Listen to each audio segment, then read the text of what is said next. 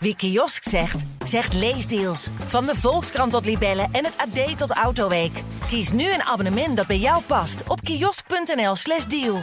Dit programma wordt mede mogelijk gemaakt door Toto. De AD Voetbal Podcast. Betaald voetbal in Nederland. Het zijn verhalen tegenwoordig over de VAR, over kunstgras, over buitenlandse eigenaren. En sinds gisteravond hebben we ook nu het verhaal van de slechte zijlijn. Want bij Jong FC Utrecht Toppels werd de wedstrijd een kwartier later gestart, omdat de zijlijn nog even opnieuw gekalkt moest worden. Etienne Verhoef. Hoi, dit is de AD Voetbalpodcast van 27 februari. Vandaag met Johan Inan. Johan, heb je ooit wel eens een zijlijn gekookt of niet? Nee, Nee, nog nou- nooit. Ik heb het wel ehm, onze treinknecht Ja? zien doen. Daar had ik mijn bedenkingen bij dat ik dacht, ehm, heeft hij te veel gedronken of een joint op of zo? Want dat liep Mhm. schots en scheef, maar ehm, uiteindelijk kwam het altijd goed. Maar ik weet waar je op doel. ik vond het wel grappig met die kwast erbij. Ja, maar dat zag het er ook niet uit. Dat zag het ook uit. Dus we trekken even een lijntje zo en we zien wel of die bal nog in of uit is. Dan moet je geen Daily Blind momentje hebben zoals bij Nee. PSV Ajax ooit. Nee. Ja, nee, dat zag er niet goed uit, nee. Maar dat is toch kolderiek zeg. Kom op, het is betaald voetbal in Nederland. Dan kan je toch een veld neerleggen, of niet? Ja, jawel. Alleen hoe het is ontstaan, dat weet ik niet precies. Alleen ik ben dan gewend dat ze met zo'n karretje, weet je wel, dat Ja. ze die lijnen trekken. Alleen nu kwam er een man met een eh, emmer en een kwast erbij. Ik geloof dat het sikkersverf was, als ik het zo goed zag. Ja, dan blijft ook de rest van het leven op het veld daar staan. Dus dat kan nooit meer weg, denk ik. Watervaste verf is dit. Oh. Ja. Het was ook de avond trouwens dat Willem van Hanegem eh, met zijn eh, show in de doelen eh, werd geëerd. Eh 80 is hij natuurlijk geworden vorige week. Het was een prachtige avond om naar te kijken. We konden ook volgen op de site van ad.nl. De fragmenten zullen ongetwijfeld nog terugkomen. Ik heb genoten van Sjaak Zwart en Willem van Hanegem samen met de verhalen van vroeger. Hoe Lerby eh, zei, ik pak die Van Hanegem wel even aan. En die kreeg dan vervolgens een cake op zijn hoofd en op zijn enkel van Van Hanegem.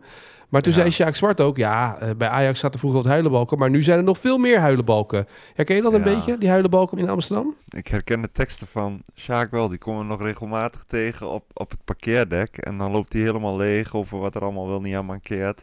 Ja, daar zitten bijvoorbeeld ook dit soort termen bij, ja. Ja, die, is, die is begaan met de club, maar die, die vindt dat zijn club verloren gaat. Ehm, dat kan je natuurlijk een beetje zeggen na afloop van dit weekend. Kan je dat ook wel een beetje zeggen, toch? Als je 5-4-1 gaat spelen en op deze manier gaat voetballen... en de weg kwijt bent als Ajax zijnde voetballend. En niet te vergeten de, de ranglijst. Ja. Ehm, ik geloof voor de vierde keer op rij niet gewonnen in, in de eredivisie. Ik herinner me dat ze tegen PSV 1-1 speelden. En ehm, ja, dat we dachten van ah, het was best een aardig optreden. En, en ja, dat je afvroeg kan dit een doorbraak zijn. Waarmee ze zichzelf ook een beetje naar plek 3 lanceerden. Maar ehm, eh, het tegenovergestelde is gebeurd. heeft natuurlijk ook een beetje met eh, blessures te maken. Vooral het wegvallen van ehm, eh, Steven Bergwijn breekt, ehm, breekt het elftal keihard op. Maar inmiddels ja, zes punten achter geloof ik op, op AZ. Of vijf? Nee, zes. En elf op, op FC Twente. Ja, dus, dus plek drie is wel... eh, daar gaat Ajax niet meer aankomen. En dan beland je, normaal gesproken zie ik ze AZ ook niet meer inhalen. En dan beland je eigenlijk in een soort, soort niemandsland. Hè? Dan hebben ze de Conference League nog tegen Aston Villa. Daar verwacht ik in alle eerlijkheid ook niet te veel van. Dus ehm, ik vrees dat het nog lange maanden gaan worden in, eh, in Amsterdam. Maar denk je dat Ajax nu ook naar onder moet kijken? En wat je zegt nu niemandsland, maar daaronder... We, we zeiden het gisteren aan de podcast. Het gat natuurlijk is niet zo heel groot met Eagles. Dat is maar twee punten. En met NEC drie punten. En met Utrecht vier punten. En dit weekend staat een aardig potje op het programma natuurlijk met Ajax Utrecht. Dat is realistischer dan, ehm, dan naar boven kijken. En ik vond dat Jorel Hato, pas 17 jaar, die was bij aanwezigheid van Berghuis en Bergwijn en Henderson de aanvoerder tegen AZ. Ja, weet je, de spelers van Ajax worden vaak ook uitgelokt om, ehm, om met al hun bravoure nog uitspraken te gaan doen dat ze zich nog gaan mengen in de strijd om de derde Champions League ticket. Maar die zeggen van laten we alsjeblieft stapje voor stapje naar AZ kijken. Kijken of we dat eens kunnen halen. En als dat lukt, eh, eh, misschien later nog naar plek 3. Maar eh, we moeten nu absoluut niet gaan uitspreken dat we in aanmerking komen voor plek 3. Want ehm, ja, we hebben toch wel even pas op de plaats gemaakt. En, en wat jij zegt, ja, weet je, daaronder, dat kan ook als Feyenoord de beker wint. Ja, dan wordt die strijd om, om plek ehm 5 en 6, die wordt ook nog heel belangrijk. Want de nummer 5 die, die gaat eh, rechtstreeks Europa in. En volgens mij vanaf plek 6 gaan ze dan play-offs voor, ehm, eh, voor Europees voetbal spelen. Dus dat kan nog wel spannend worden. Maar goed, we hebben in de winterstop, er wordt van alle clubwatchers van het AD altijd gevraagd om een soort prognose eh, in te leveren. En toen heb ik al geschreven dat Ajax vijfde wordt. En dat denk ik eerlijk gezegd nog steeds. Ja, oké, daar laten we nog even van uitgaan als jij dat zegt. Maar goed, er moet er wel iets gevonden worden op, op de manier van spelen nu van Ajax. En dat zwalken. Ja, en, en dat is niet goed. En ja, dat hebben we uh, na de wedstrijd tegen AZ heb ik dat ook geprobeerd in een, in een verhaal te gieten. Ik krijg wel het gevoel dat dat het elftal nu ook opbreekt. Kijk, het is niet makkelijk voor de trainer. Ik zei net al, um, Steven Bergwijn is voor langere tijd weggevallen. Verder is te komen en gaan voor vooral ervaren spelers in de ziekenboeg. Nu is het Henderson die een paar wedstrijden ontbreekt. Dan zit Berghuis er wel bij, dan weer niet bij. Um, uh, Brian Brobby viel natuurlijk uit tegen Burglimt in, in uh, Noorwegen. Branko van der Bomen is een tijdje afwezig geweest. Dat helpt allemaal niet. Op de backpositie Tristan Gooien die zich in het elftal werkte, die valt dan ook weer uit. Dus ja, dan, dan wordt de trainer die wordt gedwongen om, uh, om te gaan wisselen met spelers. Alleen wat hij er ook bij doet, is dat we in de laatste vier wedstrijden eigenlijk vier verschillende tactieken hebben gezien. Dat is altijd een trainer in nood, toch? Als je gaat wisselen van tactiek, dan weet je dat een trainer het ook op een gegeven moment niet meer weet, toch? Ja, dat gevoel krijg je op dit moment wel bij, um, uh, bij John van Schip. En dat begon eigenlijk met um, die thuiswedstrijd tegen Beurde Glimt. Dat was gewoon de huisstijl, 4-3-3, uh, volle bak druk zetten. Maar goed, we hebben een uur lang, 75 minuten gekeken naar, um, naar een Ajax dat eigenlijk op, op uh, lucht aan het jagen was. Want die Noorden die speelden zich er moeiteloos doorheen. Creëerden best veel kansen en... en ja, we moesten eigenlijk tot de slotfase wachten totdat Ajax er fatsoenlijk druk op kreeg. Nou, dat was dan vanuit de huisstijl. Toen heeft uh, Van Schip, die is het tegen NEC ietsje anders gaan doen. Is die met twee controleurs gaan spelen. Daar kwam uh, Tahirovic naast Henderson te staan. Daarvan zei de trainer na afloop, ja, er is eigenlijk niet zoveel waar ik tevreden over ben. Toen hebben we de uitwedstrijd bij Beurde Glimt gezien. En dat was Um, ook gewoon weer 4-3-3 met um, twee controleurs, zeg ik dat goed? Ja, Van de Bomen en um, uh, Tahirovic. Dat is niet eens zo belangrijk, want het was gewoon 4-3-3, maar dan leunen op, op eigen helft. En hopen vanuit de counter wat meer uh, toe te slaan. Een beetje uh, alle ballen op Robbie als, als recept. Nou ja, dat hebben we gezien. Dat was gewoon een wonderbaarlijke ontsnapping waarin Ajax, ik geloof wel 20 schoten tegen heeft gehad. Drie schoten op de lat, een bal van de doellijn. Uh, Diant met vijf geweldige reflexen. Uh, dus dat hield ook niet over. Ze probeerden een soort bunker op te trekken, maar die zat vol met, met gaten. Um, en toen Berghuis niet fit bleek voor het uitduel met AZ, ja, toen bedacht de trainer van nu heb ik helemaal geen fatsoenlijke vleugelspits meer over. En dan moet ik uh, misschien toch maar een keer naar een formatie met, met vijf verdedigers. Daar hebben ze één keer op getraind. En um, ja, goed, dat was in, um, in Alkmaar wel terug te zien. Want um, ik vond ook dat niet overhouden. Wat Schip zei, uh, ik vond wel degelijk voor herhaling vatbaar.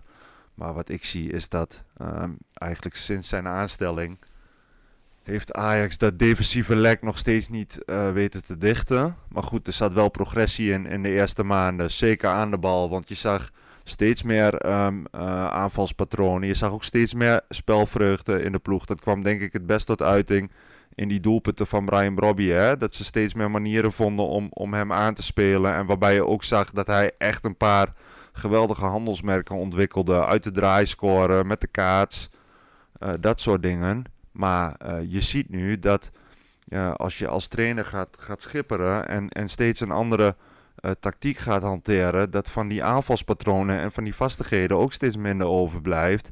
En um, dat is nu de metamorfose die Ajax een beetje heeft doorgemaakt. Het is niet alleen dat het verdedigend nog steeds niet staat, maar um, ik zie ook een ploeg dat steeds meer moeite heeft met, met kansen creëren en, en doelpen te maken. Ja, kortom, Van Schip heeft uh, genoeg uh, te doen. Over kansen maken gesproken, om dat bruggetje maar even te maken. Spitsen met zelfvertrouwen begint ook een dingetje te worden in de eredivisie. Bij sommigen. Luc de Jong heeft geen uh, problemen met het zelfvertrouwen. Maar, nee, totaal niet zelfs. Nee, het, het maakt niet uit. hoofd, linkervoet, rechtervoet, knie, billen. Ja. Het maakt allemaal niet uit. Hij scoort met alles waar hij mee kan scoren. Um, dat kan niet gezegd worden over Jiménez, die uh, in de wedstrijd tegen, uh, van Feyenoord tegen Almere City uh, alleen op de keeper afging. Dat je denkt, daar gaat de 1-0 komen, maar die ging er ook niet in komen. Het is toch een wonderbaarlijk fenomeen als een spits zijn zelfvertrouwen kwijt is. Wat, het dan, wat er dan gebeurt met een spits, hè? Heel bijzonder. Ik had het net over Brobby. Wij hebben begin dit seizoen natuurlijk ook Brobby besproken. Ja. Die ja, waarvan zo'n beetje eh, heel Nederland, er werden nog net geen kamervragen over gesteld over zijn ehm, eh, gebrekkige afronding. Want dat was ook het verhaal van Bobby, dat hij heel vaak één op één miste. En nu zie je dat hij eigenlijk vrij makkelijk scoort. En, en Jiménez, die juist in die fase uh, ze aan de lopende band maakte, ja, ehm, die krijgt ze er nu niet meer, niet meer in. En dat is onverklaarbaar. En ja, ik heb er ook wel een beetje van geleerd. Je moet het wel met een korreltje zout nemen. Dat de spits 10 wedstrijden uh, niet scoort. Dat is slecht. Dat is heel slecht zelfs. Um, maar dat betekent niet dat hij het scoren voor goed is geleerd. Er komt vanzelf wel weer een fase dat ze er heel makkelijk um, gaan invliegen. Het verklaren waarom het bij Jiménez niet lukt. Ja, dat hebben wij als uh, voetbaljongens op de redactie ook geprobeerd een beetje uh, te achterhalen. Um, dat is best lastig. Hij is natuurlijk in een iets andere samenstelling komen te spelen. Geen pure vleugelaanvallers meer um, naast zich. In ieder geval uh, vaak met Bad Nieuwkoop aan, aan de rechterkant. Uh, dat soort dingen. Wat, wat, um, ik ook, waar ik ook nog aan dacht is dat vorig seizoen scoorde hij natuurlijk ook heel veel. Toen had hij uh, Simanski vaak achter zich. Die doet het nu verschrikkelijk goed in, in Turkije. Dus achteraf niet dat hij hier niet voldoende credits heeft gekregen. Maar uh, ja, dat, dat, is gewoon een geweldige speler. En zo, ja, weet je, dan een stukje vertrouwen. Dat, dat, als, um, dat als de paar keer niet, luk, niet lukt, dat er iets insluipt van, van onzekerheid. Waardoor je ja, misschien ook iets anders uitkomt op het moment dat je wil aanleggen. Dat soort dingen. Maar um, ja, goed. En collega Mikos heeft er nu een verhaal over gemaakt. En, en ook een beetje met als vraag van ja, weet je, op een gegeven moment was het verhaal van um, gaat Mikos voor, of, uh, gaat Mikos voor 50 miljoen de Kuip uit? Mikos voor 50 miljoen naar Atletico Madrid. Ja, dat is er net niet gebeurd, ja. Met 50 miljoen nemen wij geen genoegen voor Mikos. Maar nee, gaat uh, nee, zeker voor niet, 50 nee. miljoen uh, de Kuip uit? Of wordt het een soort Jurgensen? Ja, ja, goed, de waarheid zal ergens uh, ertussenin liggen, denk ik. Het ligt er vooral aan ook. Kijk, waar je ook naar kijkt, is wat brengt de spits dan verder in een wedstrijd? Bij de Jong, in die periode dat hij bijna uh, niet scoorde bij PSV, was de worsteling omdat hij die doelpunten niet maakte. Maar tussendoor kwam hij nog wel, uh, werd hij nog wel aan het spel betrokken, omdat hij wel een kapstok was. Mm. Uh, waardoor die kansen kon creëren voor anderen. Maar dat zie je bij Jiménez natuurlijk ook niet zo heel erg natuurlijk. Het is geen spits die dan vervolgens kan schakelen naar een ander type rol. Nee, nee. En terug naar Brobby. Kijk, Brobby, bij Brobby is het heel erg gaan draaien. Toen Ajax echt um, leuk en aanvallend begon te voetballen. En hij steeds meer uh, in de doelmond van de tegenstander uh, uitkwam. Dan is hij op zijn best. Kan hij wegdraaien, kan hij kaatsen. Ja, daar ligt vooral de taak van de trainer om, om in te schatten van ja, weet je, hoe, um, hoe moet ik mijn elftal laten spelen en, en waar moet ik ze laten uitkomen om, om uh, onze goede spits te, te kunnen bedienen. Uh, en je ziet nu ook bij, bij Ajax dat op het moment dat ze meer gaan leunen en Robbie wat verder van het doel komt te spelen, ja, weet je, dan verliest hij zijn kracht als, als aanspeelpunt uh, ook. En bij Luc de Jong is het, ja, dat, was, dat weten we van, van vroeger al, dat um, um, als PSV dicht tegen de goal van de tegenstander aanspeelde, of het nou vanaf links was met Jetro Willems of vanaf rechts, als die voorzet werd, werd ingeslingerd, dan wist je dat hij zijn kopgo kopgoals ging maken. Wat hij de jaren daarna ook in het buitenland heel erg is gaan ontwikkelen, is het meevoetballen. Dat is iets wat, wat ja, ik heb dat bijvoorbeeld bij Ajax ook gehoord, dat ze echt onder de indruk waren toen ze PSV gingen analyseren van, van hoe Luc de Jong niet alleen zijn kopkracht, dat was al wel bekend, maar ook gewoon dat hij um, een hele goede meevoetballende spits is geworden. Ja, toch belangrijk in het huidige voetbal om als spits niet alleen maar de afmaker te zijn, maar ook gewoon mee te kunnen voetballen. Zeker. Je meters maken. Uh, we gaan uh, praten even over uh, de eerste halve finale in de beker. Dat doen we natuurlijk, want Cambuur en NEC treffen elkaar. Dat is natuurlijk al een mooie pot om over te gaan praten. NEC doet het goed in de eredivisie. Dus laten we even met Jeroen Bijma bellen, want dat is de man die NEC op de voet volgt... om te horen hoe het er in Nijmegen precies voor staat. Met Jeroen. Jeroen, hoe vaak heb jij het als NEC-watcher meegemaakt dat NEC echt als favoriet aan de halve finale van de KNVB-beker begint? Uh, nou, daar kan ik heel kort over zijn. Uh, nul keer. Nee, dat is toch een rare gewaarwording in Nijmegen, of niet? Ja, dat is natuurlijk ook een krankzinnig uh, bekertoernooi. Als je alle verrassingen bekijkt, dan zou je zeggen van, dan komt er morgen weer eentje. Maar ja, NEC is daar zijn stand verplicht om van Cambuur te winnen. Nou ja, zeker ook als ze willen belonen wat ze dit seizoen aan het doen zijn. Want heel veel mensen hebben heel veel lof voor de manier van spelen van NEC. En dat het een van de best voetballende ploegen is. Ja, die had dat uh, gedacht aan het begin van het seizoen. Na twee eh, nederlagen in de competitie werd al de spelersbus eh, opgewacht door boze supporters. En nu lopen ze de Polonaise in Nijmegen. Ja, wat, wat is daar veranderd? Want we hebben het er vaak over gehad in de podcast. En toen ook na drie wedstrijden dat veel te vroeg is om dan een bus op te wachten. Dat helemaal nergens over gaat natuurlijk. Maar wat is er veranderd in die groep dat ineens NEC ging voetballen? Ja, nou NEC had heel veel nieuwe spelers aan het begin van het seizoen. Twaalf om precies te zijn ja, dat heeft ook gewoon tijd nodig om uh, aan elkaar te wennen. Uh, ze hadden een aantal blessures. Nou, Philip Center was bijvoorbeeld uh, geblesseerd. Ja, dat is gewoon de beste speler die NSC heeft. En sinds hij terug is, dan zie je ook wel dat de resultaten aanzienlijk zijn verbeterd. Ik las ergens een statistiek zelfs dat als hij meedoet, dat ze bijna niet verliezen of zo, NEC. Klopt dat? ja, ze hebben heel weinig verloren de laatste paar maanden. Dus ja, daar heeft hij ook een grote invloed op. Ja, maar dan gaat ondertussen gaat ook nog je beste speler weg in de winterstop. Dan denk je, nou, dan, dan zal het dan wel instorten. Dan, dan verkoop je eigenlijk je kapitaal, maar dan, dan verdien je geld. Maar je geeft gelijk ook je, je, je, je goede klassering uh, geef je weg. Maar dat valt ook allemaal mee, hè? Met Sherry erbij. Ja, er lijkt, uh, het lijkt NSC helemaal niets te doen dat uh, Matson is vertrokken. Je zou inderdaad zeggen, de club scoorde weg. Nou, dan heb je een probleem. Dat dachten alle supporters ook. Die zeiden ook van ja, het is waanzinnig dat je je beste speler laat gaan voor 5 miljoen euro.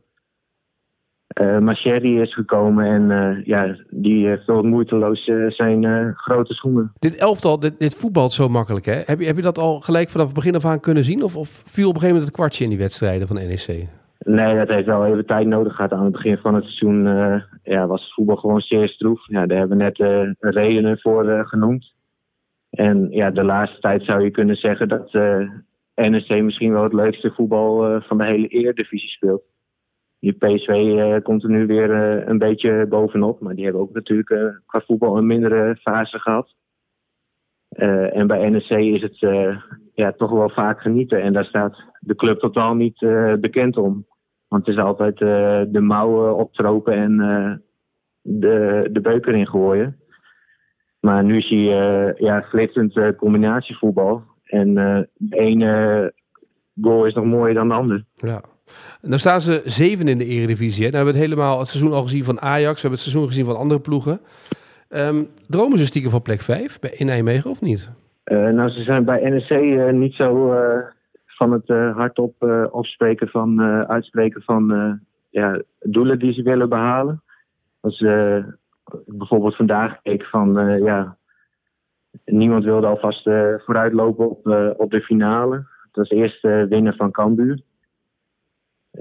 Ja, daar denken wij natuurlijk heel makkelijk over als journalisten. Want wij, ja, wij denken de nummer 7 van, of de nummer 8 zelfs van de keukenkampioen divisie. Ja, daar moet NEC makkelijk van kunnen winnen. maar goed, dus die spelers die die zijn zeer beducht voor Cambuur. Dit hele beektoernooi heeft Sillissen niet gekiept. Maar nu voor die halve finale zegt Meijer, weet je wat, we zetten Sillissen wel op de goal. Toch maar voor de zekerheid kiezen, of wat? Ja, nu de bekerfinale longt voor het eerst in 24 jaar. ja, wil hij met de beste keeper spelen. en dus speelt Sillissen. Goed, dan denk ik ook wel van had je dit, dit niet eerder uh, kunnen doen? Want wat maakt het verschil tussen een halve finale en een eerste ronde? Voor NEC blijft het hetzelfde dat de KVW-beker uh, eh, de enige prijs is die ze kunnen winnen. Ja. Dus dan zou ik zeggen van ja, dan moet je elke ronde gewoon met je sterkste elf spelen. En Proper is er niet bij, dat is natuurlijk wel een aderlating hè? Ja, die is niet uh, op tijd fit en die mist ook uh, de eerstvolgende competitiewedstrijd.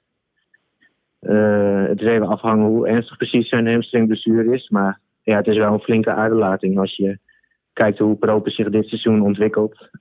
Ja, die is in alles klaar voor een stap uh, naar de top 3 in de Eredivisie. Is hij daar goed genoeg voor? Dat hoor ik vaak voorbij komen. Is hij daar goed genoeg voor? Ja, je zou zeggen met zijn lengte dat je wat twijfels hebt. alleen hij compenseert dat zoveel met voetballend vermogen. Van als je kijk naar hoe hij er bovenuit steekt bij NEC op voetbalgebied, ja, dat is best wel indrukwekkend. En zijn kritiekpunt punt was altijd ja, dat hij te weinig scoorde en te weinig betrokken was bij het aanvallende gedeelte. Maar als je zo'n bal in de kruising jaagt tegen ja. Sparta, ja, dan dan reken je wel af met je critici. Ja, nou goed, er zijn wat ploegen waar wat middenvelders gezocht worden komend jaar natuurlijk. Hè? Dus ja, eh, eh, zeker in de top drie. Daar zoeken ze toch wat voetballers hier en daar. Nou, ik denk dat Ajax wel eh, een goede voetballer eh, kan gebruiken. Dus eh, ik zou het wel aandurven met Propen. Ja, precies. Goed. Eh, eerst maar eens even deze halve finale van de beker afwachten. Daarna ligt natuurlijk wel gezien het spel van NEC. Ja, een soort van, van, van ja, iets moois in het verschiet, die bekerfinale. En misschien ook gewoon niet, on- niet eh, eh, kansloos in die bekerfinale tegen wie het ook is. Ja, kijk, als je de beker had willen, willen winnen als NEC zijnde, dan had je eigenlijk in de halve finale Feyenoord thuis, thuis moeten loten. Ja. Want dat is denk ik de grootste kans om de beker te winnen. Want ja, normaal gesproken wordt de finale nu NEC eh Feyenoord. Ja, dan is Feyenoord natuurlijk eh torenhoog favoriet eh, met het thuisvoordeel. Goed, laten we eerst deze wedstrijd maar eens afwachten. Zoals Rogier Meijer zou zeggen. Eerst deze wedstrijd tegen Cambuur. Daarna praten we wel verder. Ik wens je een mooi bekeravondje toe. Dankjewel. Komt goed. Ja, NEC met vertrouwen, Johan. Eh, die wedstrijd in natuurlijk. Ze zijn natuurlijk de favoriet op weg naar die, eh, eh, die bekerfinale. Mag ook wel. Maar Cambuur hebben er ook zin in. Ik heb nog even Henk de Jong in het Fries. Ik weet niet hoe je Fries is. Maar Henk de Jong eh, zei bij Omroep Friesland het volgende over de droom een beetje die hij had. En die, die haal je eruit. Let maar op. Die wil je net zo volle mee praten. Maar die had een goed voorbeeld, jongen, toch een keer vroeger van PSV, wie ik nog een jonge vent, van PSV te winnen twaaien. En dat is eigenlijk het begin van echt, echt goed worden. En dat zou voor u ook mooi wezen. Dat we daarmee ja, 15 tot 20.000 eh mensen van Cambuur naar, eh, naar, de, naar de Kuip gaan. Hij ziet het als een beetje een beginpunt eigenlijk. Van dat er zometeen eh, tien, dat dit een beginpunt kan zijn van heel goed worden met Cambuur. En dat er nu al 10, 15.000 mensen naar Maar de hij- Kuip kunnen gaan. Hij verwijst naar vroeger dat ze een keer van PSV wonnen. Ja, volgens mij is het een verwijzing naar Johan Hansma. Die heeft gezegd over de tijd bij Herenveen dat die toen van PSV wonnen. En toen ze toen echt heel goed werden daarna. Dat is een beetje het ja, verhaal. ja, ja, ja. Dus ja, dat is wel een. eh, eh, maar goed, ja, ik, ik, Henk de Jong kan natuurlijk ook wel een toespraakje houden in die kleedkamer, denk ik. Om die, om die spelers Ja, van Cambuur een beetje gek te maken. Toch? Dat denk ik wel. Een motivaties, motivatiespeech kun je Henk de Jong wel, ehm, wel toevertrouwen. En vaak is het niet eens nodig vanaf de, eigenlijk de ja, kwartfinale denk ik al een beetje. Maar de halve finale zeker. Dan wordt zo'n groep ook geleefd door, ehm, eh, door de fans, door de mensen in, in Leeuwarden. Dat hebben eerder andere clubs meegemaakt. Weet je, Vitesse heeft op een gegeven moment de beker gewonnen. Groningen heeft dat gedaan. Pek Zwolle. Ehm, ja, die merkte gewoon van in, in aanloop naar zo'n zo'n bekerfinale, de wedstrijden ervoor al. Ja, dan groeit de aandacht, de hunkering naar, eh, naar een finale plek. En, en dan krijg je, ehm, dat weten ze nu ook al, het wordt één grote invasie op het moment dat zij eh, NEC gaan verslaan en, en richting de Kuip gaan. Dus dat is echt een gigantische boost voor, ehm, voor zo'n ploeg. Maar dat zal bij, ehm, bij NEC niet anders zijn. Nee, en NEC zal een bekroning zijn van een mooi seizoen tot nu toe. Als ze in ieder geval de bekerfinale halen. En daarin zijn ze natuurlijk niet kansloos. Ja, en, ehm, en dat zie ik gebeuren. Het past ook volledig in het seizoen van, van NEC om, om nog de bekerfinale te gaan, te gaan bereiken. Ja, ze zijn natuurlijk een favoriete Cambuur nummer 8 in de KKD. Nou goed, vanavond die wedstrijd. Morgen blikken we op die wedstrijd terug in deze AD voetbalpodcast. Overigens, eh, en, eh, we zitten toch een beetje in Friesland. Jonathan Thomasson, bondscoach van Zweden. Dat is toch best verrassend, of niet? Dat wist je al, hè? Ja, ik, het, was, het verhaal ging al een tijdje dat hij daarom ook bij Blackburn wegging, inderdaad. Ja. Maar goed, de Zweden is bij de NAVO gekomen en Thomasson tekent bij Zweden. Dat is op een goed moment natuurlijk, hè, om te tekenen nu. Ja, bij de ja, NAVO ja. zijn. Nu kan je veilig tekenen En- daar. En met een Nederlandse assistent, hè? Ja, die gaat met, overal met hem eh, mee, hè? Reniersen. Ja. Remy Reniersen. Eh, Een Deen aan het roer bij Zweden, dat legt- levert altijd wel wat, wat, wat dingen op, zeg maar, in Zweden natuurlijk. Of in Denemarken. Maar goed, Ja. eh Thomas van daar naartoe. Wij gaan naar onze dagelijkse rubriek, de vraag van vandaag. Dus eh, daar komt hij dan voor jou, Johan. De vraag van vandaag. Dit was de vraag van Mikos gisteren. Doe ik ook niet zo'n hele moeilijke. Arne Slot die was eh, ziek, hè? die ontbrak op de bank. Hij heeft één keer eerder een, eh, een, een, een wedstrijd gemist vanwege ziekte. In zijn taak bij Feyenoord. Welke wedstrijd was dat? Nou, dat weet je nog wel natuurlijk, toch? Of niet? Dat was een belangrijke, denk ik. Oh, ja. Ja, dat... Het was wel de avond van Cyril Dessers toen. Wat was het? Conference League? Ja, Conference League, ja. ja. Ja, dan eh, finale was het niet. Kwartfinale, halve finale? Nee, iets eerder was het. Tegen? Partizan Belgrado. Partizan Belgrado in de. Conference League was het. Ja. Oké. En eh, FC Barry zegt ook via X eh, met de hashtag AD Voetbalpodcasten. Vooral bekend als de wedstrijd waarin Cyril Dessers een heerlijke goal maakte. Waar hij zelf geen weet van had doordat de bal tegen zijn rug werd geschoten. Dat was die wedstrijd. En Arne Slot was daar eh, eh, ziek. Dus bij deze. Overigens, veel dank voor de luisteraars. Ik kreeg uit Lau, eh, vanuit, van Lau een berichtje vanuit Aruba. We hadden het gisteren over de, de derby tussen Aruba en Curaçao voor Dick Advocaat. En Lau had een berichtje gestuurd wanneer die wedstrijd was. Want die is op 8 juni wordt die wedstrijd gespeeld. Kijk op Aruba er erg naar uit. Hij zit op Aruba namelijk. En wij zeiden per- per ongeluk de bovenwindse eilanden, maar het is de benedenwindse eilanden derby. Dat ik wel de goede bus neem als ik daar naartoe ga zijn. Is misschien op zich wel een goed idee. Weet je, dat je niet ineens op eh, Sint Eustatius zit. Maar dat je wel op de, op de, go- de goede windrichting pakt, zeg maar. Dus, maar goed. Dat gezegd hebbende, mag jij eh, voortborduren eh, op de vraag van vandaag. Of een leuke vraag van vandaag voor morgen erin gooien. Ja, ik ga geen zieke trainer. Daar wil ik niks van weten. Maar Nee. ik ben wel op zoek naar een trainer. Ehm, en we blijven bij, een beetje bij het bekertoernooi en bij NEC. Wat was de laatste keer dat NEC de halve finale van het bekertoernooi bereikte? En wie was toen de trainer? Oeh, is een mooie. Dus de laatste keer dat NEC de halve finale van het bekertoernooi behaalde. En wie was de trainer? Als je het antwoord daarop weet. Even voordat vanavond bij ESPN alle commentatoren dat gaan noemen natuurlijk. Dus even voor 8 uur beantwoorden. Dat, dat is wel leuk, toch? Voor iedereen. Ja, Eh, met de hashtag AD Voetbalpodcast op X. Of door mij een DM'tje te sturen via Instagram. Morgen het antwoord op die vraag. En morgen ook weer een gloednieuwe podcast met Leon ten Voorde. Johan, dank voor vandaag. Ik wens je een mooie dag. En eh, tot de volgende. tot de volgende. Dit programma werd mede mogelijk gemaakt door Toto. Wie kiosk zegt, zegt leesdeals. Van de Volkskrant tot Libellen en het AD tot Autoweek. Kies nu een abonnement dat bij jou past op kiosk.nl/slash deal.